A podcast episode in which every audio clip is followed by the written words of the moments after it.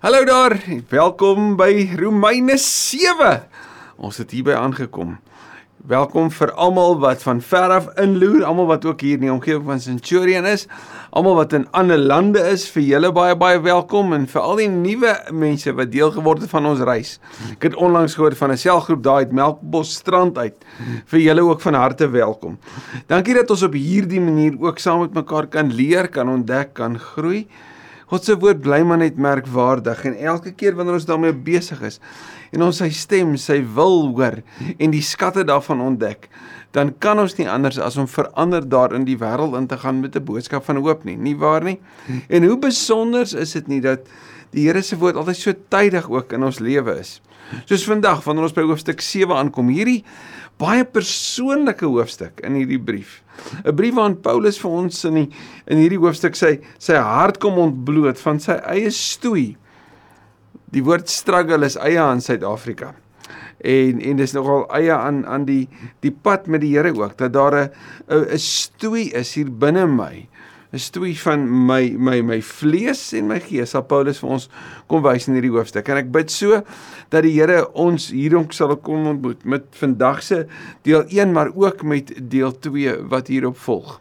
Die belangrike is dat dit natuurlik bou op die voorafgaande en wat het Paulus vir ons geleer in die tweede deel van hoofstuk 6. Hy het gefokus daarop dat ons wat vry is van die sonde, maar lewend is vir God.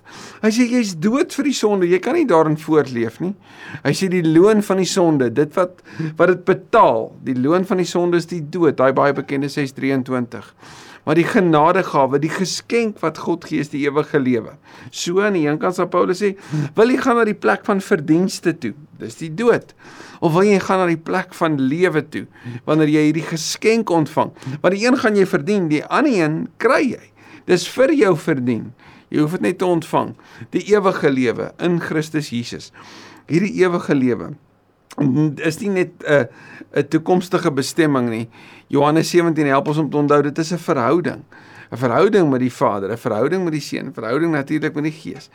'n 'n verhouding wat ons nou kan beleef wat net nie ophou nie. En dis die geskenk van die vryspraak. En soos Paulus daar vanaf hoofstuk 3 vers vers 21 al hoe meer hierdie fokus op die op die uit weet op die vryspraak en wat dit vir jou my beteken, hoe dit al hoe meer duidelik maak kom ons vandag op 'n persoonlike deel. Kom ons bid dat die Here dit juis ook so persoonlik vir ons sal maak. Vader, ons het u woord verskriklik nodig. Ons het u u leiding in die rigting in ons lewe nodig, maar Ons het ook so nodig dat U ons sal kom bemoedig. By tye raak ons gefrustreerd. As ons na die wêreld om ons kyk, dan mag dit ons selfs moedeloos maak. Ons raak gefrustreerd met onsself oor hoe ons daarop reageer. Want ons wil soveel beter. Ons wil soveel kalmer, ons wil mooi en en en en en reg en en toepaslik optree. En dan vind ons in onsself iets anders. Kom asseblief deur die woord in in hierdie hoofstuk hierdie twee dele wat nou vir ons voorlê. En kom raak ons aan dat ons ook daarin kom hoop skep, soos Paulus dit ook vir ons leer. Soos wat u woord vir ons leer, ja Here, soos wat u dit vir ons leer. Ons eer u daarvoor in Jesus se naam. Amen.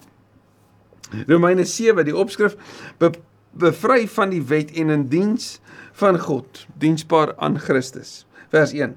Julle weet broers, en ek praat met mense wat op hoogte is van die wet van Moses. Nou as Paulus sê op hoogte is van die wet van Moses, dan natuurlik is dit nie net Jode nie, nê. Dis Jode, dis ook Grieke wat tot die Joodse geloof gekom het, wat die Joodse geloof aangeneem het en dis proselite is. Maar dit sal ook Grieke wees wat net kennis het. Die die Grieke was juis bekend daarvoor vir hulle gnosis, hulle gnostisie, hulle kennis van die wêreld en hulle sal ook sê van die geheimenisse. So hulle sou belang gestel het om meer te wil weet ook. So dit was 'n baie meer as net die fokus op die Jode wanneer hy sê ek praat met mense wat bewus is daarvan wat op hoogte is van die wet van Moses wat dat die wet gesag het oor 'n mens solank as wat hy lewe. Wat kom sê Paulus? 'n Baie logiese. Solank jy lewe, het die wette impak op jou. As jy dood is, dan kan die wet mos niks vir jou doen nie. Die wet het dan geen effek op jou nie. Dit gaan nie gedrag verander nie. Dit gaan niks van jou vra nie. So die wet het eintlik sy mag oor jou verloor. vers 2 en hier pak Paulus dit uit deur deur 'n semaya, 'n teken te gebruik, 'n teken van die anderdaagse, naamlik die huwelik. En ons kan nie die die belangrikheid van die huwelik in die Bybel ooit onderskat nie. Ons kan dit nooit geringskat nie. Inteendeel, dit sal vir jou en my goed wees om gereeld hierdie gedagte van beeld en bruid en bruidegom en toewyding aan die Here veral vir die Nuwe Testament, maar eintlik vanuit die hele Bybel die heeltyd in gedagte te hou want God openbaar homself so gereeld, beskryf homself so gereeld as die bruidegom, nê? Nee? Ek wil selfs in in in in die wêreld van Hosea wanneer God sê dan hoofstuk 2, gaan my ken as my man maar maar hier gebruik Paulus hierdie beeld van die van die huwelik en hy en kyk mooi wat doen hy sê die getroude vrou byvoorbeeld is deur die wet aan haar man gebind. So nou sal hulle kon sê ja ons weet dit want as 'n vrou getroud is dan dan is sy gebind aan haar man sy's deel hulle word een. En omdat sy gebind is aan hom, beteken dit sy's nie toeganklik vir enigiemand anders nie, vir geen ander man nie.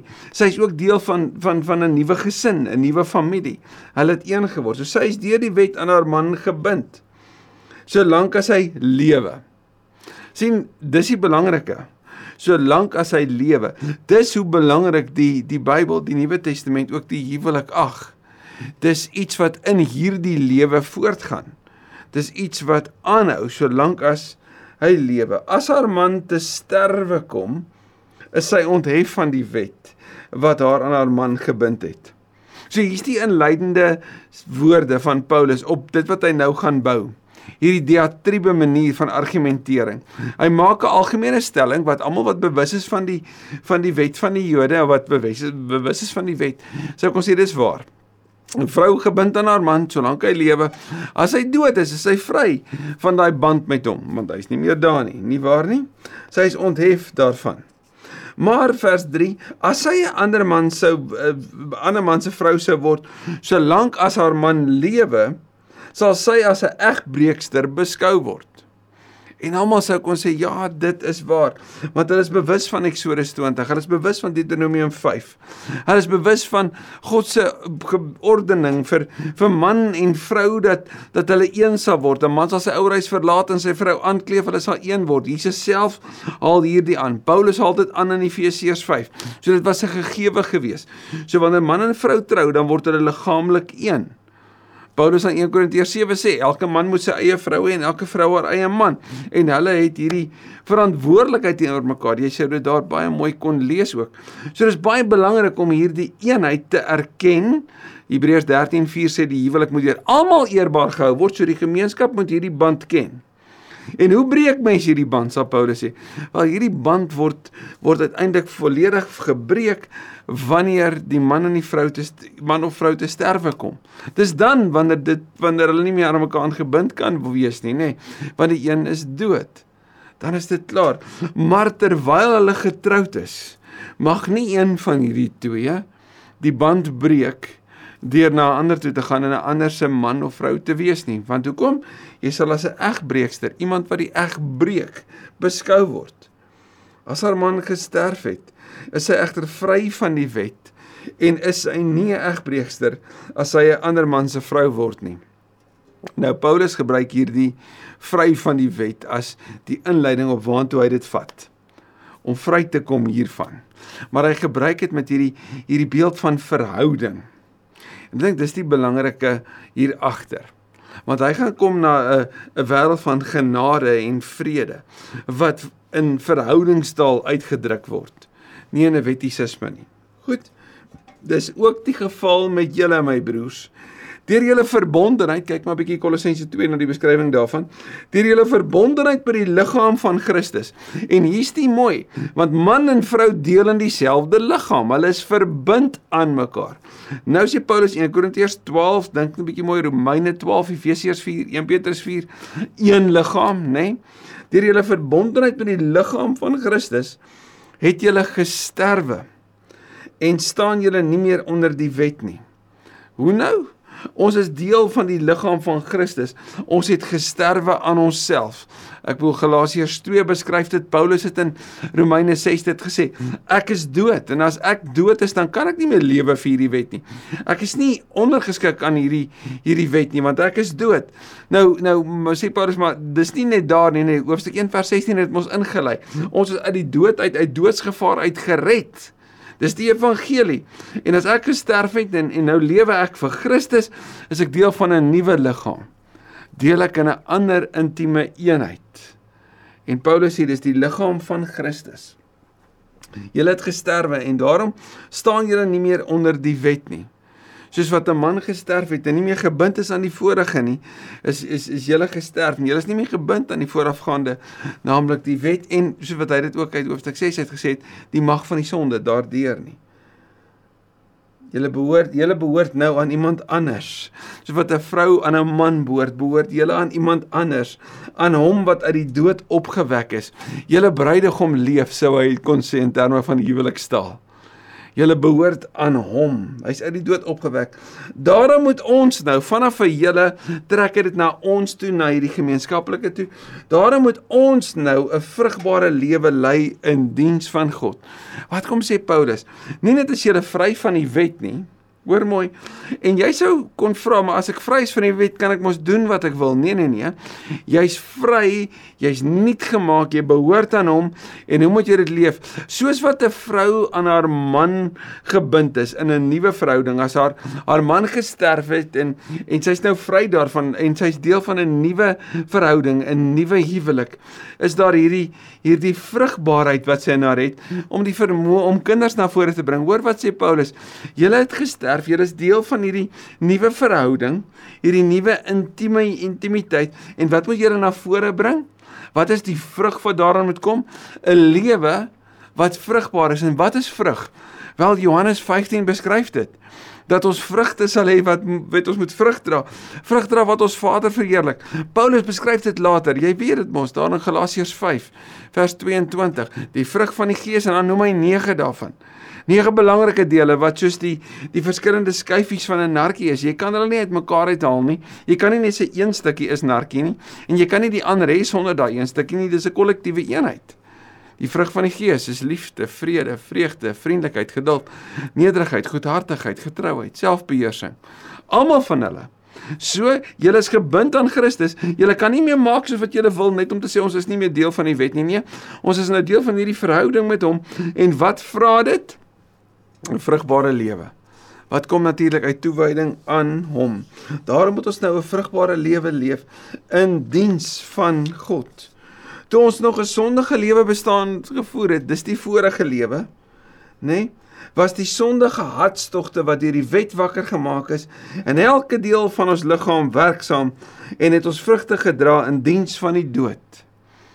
Paulus sê dat iets gebeur. Ons vorige lewe en hy het dit daar in hoofstuk 1 vers 18 tot 32 en hoofstuk 2 vers 1 tot 10 het hy dit uitgepak. Wat? Naamlik dat ons 'n ou lewe gehad het. En hoe lyk 'n ou lewe? Waar jy net doen wat jy wil, waar jy ingee tot die liste van jou vlees, waar jy doen wat jou drange vir jou sê jy moet doen. Jy gee jou oor, jy's amper 'n slaaf van hierdie drange. En dit beheer jou en hy sê toe ons nie in Christus was nie, nie in hierdie verhouding was nie, was dit sigbaar en hierdie verskil van ou lewe en nuwe lewe. En so gereeld sal ons dit kan sien in Paulus. Hy het hierdie kant teenoor daai kant. Dit gebeur die hele tyd, nê? Die ou lewe en die nuwe lewe staan teenoor mekaar. Die nuwe lewe het het niks met die ou lewe te doen nie want ek is 'n nuwe mens en ek moet dit onthou dis my identiteit maar die nuwe mens word al hoe meer vernuwe sê Kolossense 3 na die beeld van ons Skepper toe dan vanaf vers 10 Paulus maak 'n groot onderskeid in sy briewe. Gaan kyk maar Galasiërs vir al Efesiërs en Kolossense oor hierdie groot verskil tussen ou lewe en nuwe lewe. 'n Nuwe lewe maak die oue dood. Hy draai hom die nek om. Ek is 'n nuwe mens. Hierin wys hy dit ook. Toe ons nog gesondige bestaan gevoer het, dis die vorige was die sondige hartstogte wat deur die wet wakker gemaak is. Hoekom sal Paulus sê dit word deur die wet wakker gemaak? Want die wet sê vir jou wat verkeerd is en wat sê jou vlees dan? Wel as dit verkeerd is en iemand sê ek mag nie dan sal ek dit doen. Wil jy 'n bewys hiervan hê? Wil jy 'n goeie voorbeeld hê van dit? As jy in lockdown op hierdie planeet geloop het, dan weet jy presies waarvan ek praat. Toe daar in lockdown vir jou gesê was jy mag nie. Wat wou jy doen? Alles. Waarna het jy verlang? Dit wat ek gewoonlik nie baie van gebruik het nie, maar omdat daar nou gesê word ek mag nie, nou wil ek dit hê. Skielik was daar goed op die swartmark te kry. Skielik het mense die townships ingery en en die bottelstore gaan leegkoop, net die shabeens gaan leegkoop. Skielik het mense goed gedoen wat hulle nooit sou nie. Hulle het onwettig goeders gedoen wat gesê is jy mag nie toe daar inperking is, toe's daar 'n sê wie. Hoe kan ek hier uitkom? Toe's daar 'n begeerte, 'n drang na goed wat wat ek my aan wil vergryp omdat daar gesê word ek mag nie. En dis so eie aan die mens. Sê vir iemand hulle mag nie en alles hier binne kom na vore en sê maar ek wil en ek gaan. En dis wat Paulus hier kom sê. Die wet het in my wakker gemaak juist ook oor dat ek nie mag nie. En wat is die vrug daarvan? Hy sê dit in Galasiërs 5. Gaan kyk maar dan vers 19. Vers 6. Maar nou is ons vrygemaak. So die vorige is verby. Met sy hartstogte en al dies meer wat die dood na vore bring, dit is verby. Nou is ons vrygemaak van die wet. Hier is hierdie kontras. Want ons het gesterf, Galasiërs 2. En staan nie meer onder die wet waardeur ons gebind was nie. As jy nou hierdie vat, ons is vry en ons staan nie meer daaronder waardeur ons gebind was nie. Soos wat 'n vrou gebind is aan haar man. Wel, daai is dood. Daai band is gebreek. Ons is vry. Nou kan ons dien in 'n nuwe bedeling van die Gees. Wat Paulus kom sê is die wet is verby. Wat is die nuwe? Wel, die Gees is teenwoordig. Die Gees is teenwoordig en die Gees is in staat en hy gaan dit hier in begin uitpak en in hoofstuk 8 soveel meer. Die Gees is in staat om te doen wat die wet nie kon nie. Jesus se opstanding, Jesus se hemelvaart, Jesus se uitstorting van die Gees het teweeggebring dat ek en jy in hierdie nuwe bedeling kan leef. Die Heilige Gees wat in ons kom woon, wat ons bewus maak en ons lei en dis meer. Dis die Gees wat dit in staat doen. So ons staan nie meer gebind aan die wet nie. Nee, ons is in 'n nuwe bedeling van die Gees, nie in die ou bedeling van wetsvoorskrifte nie. en daar was hierdie verwagting vanuit die Ou Testament. Ek vat byvoorbeeld Jesegiel 36 vers 27 wat sê die die nuwe tyd wat kom is hierdie bedeling van die Gees waarin die Gees teenwoordig sal wees. Wat sê Johannes 3? Julle moet nuut gebore word. Hoe? Deur die Gees nie net fisies nie, maar deur die Gees. Wat kom sê Paulus hier in die eerste paar verse van van Romeine 7 vir ons? Daar's 'n nuwe lewe. Daar's 'n nuwe geleentheid en ons is in die bedeling van die Gees. Kom ons eer die Here met 'n lewe wat toegewy is aan hom. 'n Lewe wat sê maar maar Here, ek is vry van die voorafgaande. Ek is ek is dood vir vir my band bind weet my band aan die aan die ou lewe. In 'n nuwe lewe is nie net 'n lewe wat vry is sodat ek kan doen wat ek wil nie. Dis 'n lewe wat vry is sodat ek voluit net vir U kan lewe. 'n Lewe wat vry is sodat ek kan deel in die in die dienswerk van ander. 'n Lewe wat vry is omdat U my bruidegom is en ek is aan U gebind. Paulus stel hierdie intieme verhouding met die Here, hierdie bedeling van die Gees teenoor 'n 'n lewe wat dood is. Teenoor 'n lewe waarin iemand anders teenwoordig is in my lewe. Het jy dit al beleef? Het jy dit al ervaar? Het jy al gesê, Here, maar maar kom en en wees die Here in my lewe? Het jy by 'n punt gekom waar jy sê, maar ek glo dit, ek vat dit. As jy het, het ek vir jou goeie nuus. As jy deel van die gesin van die bruidegom. Maar dan het ek vir jou en my 'n baie baie belangrike opdrag en 'n oproep as ons behoort aan die bruidegom, dan moet ons lewe dit wys. En Paulus gaan in die volgende gedeelte vir ons kom sê, maar dit bring spanning mee. Want ek weet wie sin ek is en ek weet by wie ek wil wees, maar hoekom het ek so 'n bewustheid van van die vorige in my lewe. Hoekom ervaar ek hierdie lewe van my wat sê ek is dood? Ek is nie meer gebind aan die vorige nie. Ek is deel van 'n nuwe. Hoekom het ek nog steeds hierdie terughinkering, hierdie stoei? En hoe maak ek hiermee want dit kan my soms so frustreer. Maar laat ons dit nie vooruit gaan nie. Paulus kom sê, daar's 'n nuwe bedeling en ons deel daarin deur geloof in hom alleen. Kom ons bid saam. Baie baie dankie Here vir die genade van hierdie boodskap ook wat vir ons kom sê en kom herinner vandag maar jy's vry van die vorige. Hierdie vryspraak beteken jy's vry soos wat 'n vrou wat gebind was aan haar man nie meer aan hom gebind is nie omdat hy dood is. Soos jy vry in jou band met die wet want jy is dood, jy het gesterwe. En dat ons kan lewe in Christus omdat ons gebind is aan die Here wat opgestaan het en lewe. Dankie Here dat daarom as ons agter U aanstap dat ons ook lewe, maar nie net lewe om vir onsself te lewe nie, lewe om vir U te lewe wat U lewe vir ons gegee het. Lewe om vir U te lewe en 'n lewe te leef wat diensbaar is. Wat ander kan sien juis omdat ons nuut gemaak is. Herinner ons daaraan ook vandag asseblief Here. Herinner ons daaraan dat ons aan U behoort. Herinner ons daaraan so wat ons soek na meer van U en minder van myself soos wat Johannes 3:30 sê dat dit sal waar word. Herinner ons daaraan so wanneer ons ook bid en sê Here, maar ons soek meer, ons soek dieper. Lei ons ook in daai soeke in Jesus se naam. Amen. Ek hoop jy het 'n baie baie mooi dag. Tot ons mekaar weer raakloop.